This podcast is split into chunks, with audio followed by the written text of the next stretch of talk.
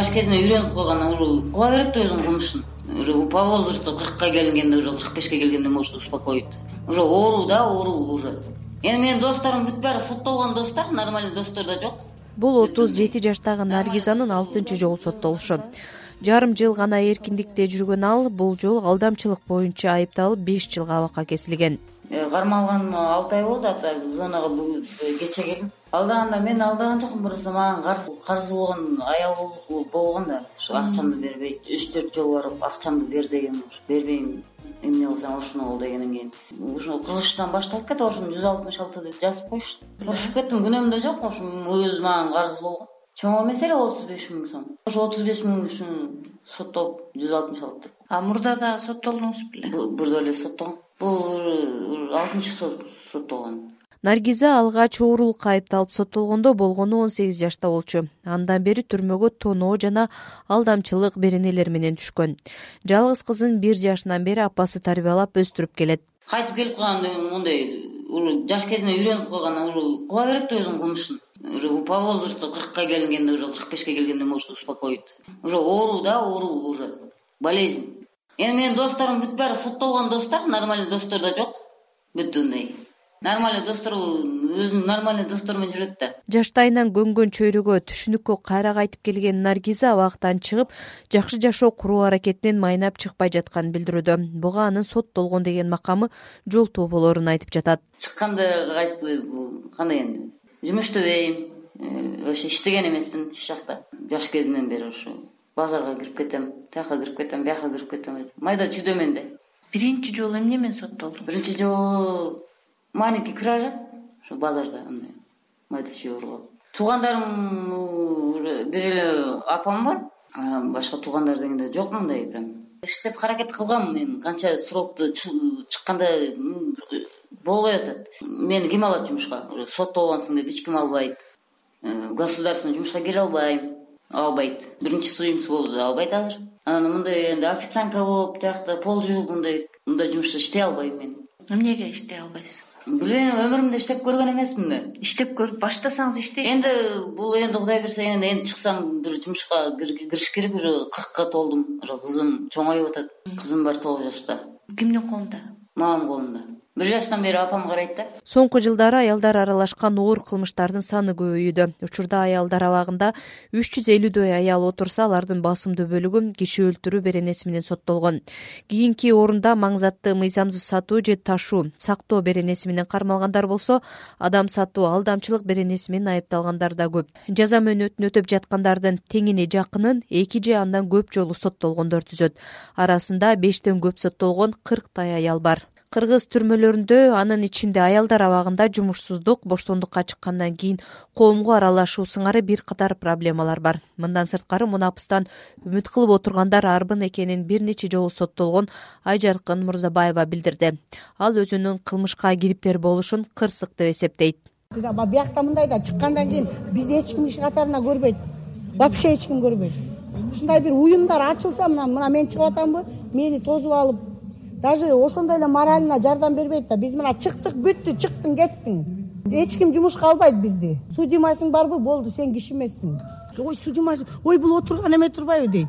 Бизди киши катарына көрбөйт бизге ошон үчүн чыкканда алса бизди мындай бир коом ачып бизди кичине морально бизге жардам берип э, жумушка орнотуп анан бизде стимул болот да. Мисалы жакында бир кызыбыз келди кафеде иштеген экен кафеде иштеп бир жума иштеген экен экинчи жума келгенде тиги кызды таанып калып хозяйкасына айтып коет э бул деген отурган десе хозяйкасы келип кубала берди да. Эмне кылам? дейт. Курсак ачты жейм да анан уурдадым келдим дейт. Чыккандан эле бир айдан кийин кайра келди. Ушундай да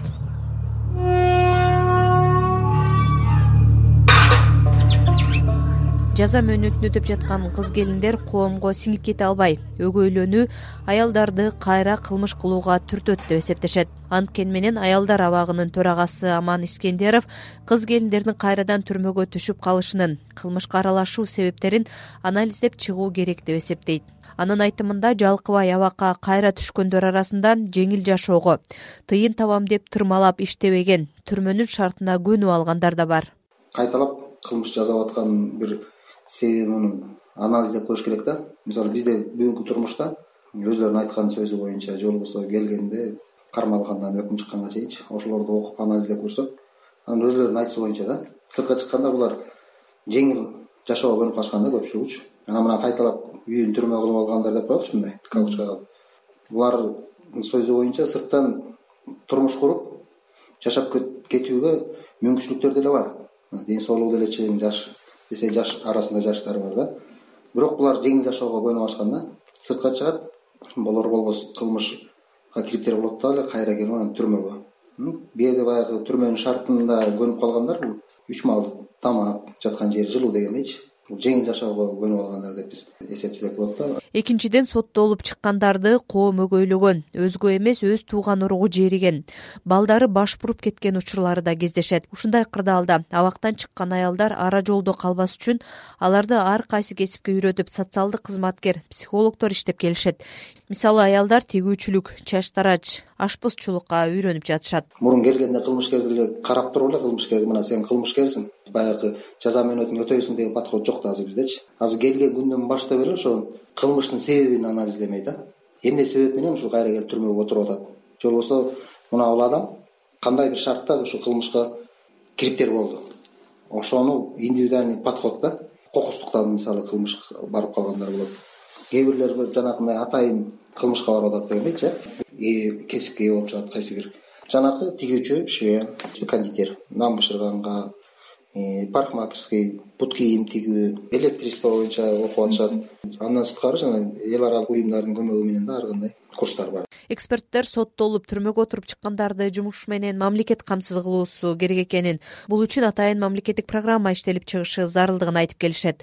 Жаза аткаруу кызматынын байкоочу кеңешинин мүчөсү чолпон өмүрканова эркиндикке чыккандарды адаптациялоо жана жумуш менен камсыз кылууга арналган атайын долбоор зарыл деп эсептейт. Түрмөгө адам түшкөндө деген кээ бирлердин туугандары аны менен катышпай калышат. Кээ бирлер баягы уялышып катышпай калышат. Кээ бирлер болсо деген атайын эле уруша кетишип катышпай калышат. Кээ бирлер деген мына туугандары деген мисалы өлүп калса жок болсо такыр туугандары же тааныштары ошон үчүн баягы абакта отурган адам мисалы ал бир эки жыл же үч жыл отурсагы дагы мындай баягы убакыт кичинерээк убакыт да кээ бирлер бир топ эме убакыт отурушат беш жылдан өйдө же үч жылдан өйдө.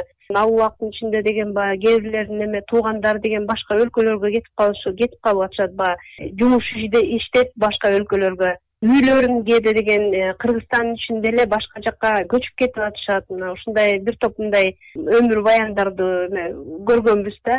Адамды кайра түрмөгө кайтышпаш үчүн негизи эле мамлекеттик жана реабилитация ресоциализация программасы болуш керек да долбоор болуш керек атайын. Азыркы күндө деген ошондой э, реабилитация жана ресоциализация боюнча долбоорлорду негизи бейөкмөт уюмдар жасап атышат да. Расмий маалыматтар боюнча кыргызстанда жалпысынан абактан чыккан адамдардын кырк кырк беш пайызы кайрадан кылмыш жасап түрмөгө түшөт. Буга алардын жай турмушка аралаша албаганы аларды коомчулуктун кабыл албаганы себеп. Өткөн жылы бириккен улуттар уюмунун кылмыштуулук жана маңзатка каршы күрөшүү башкармалыгы абактан чыккан адамдарды колдоо иш менен камсыз кылуу бир кесипке үйрөтүү боюнча атайын өлкө аймагында долбоор баштаган пилоттук түрдө ысык көл жана чүй облустарында бишкек шаарында иштей баштаган.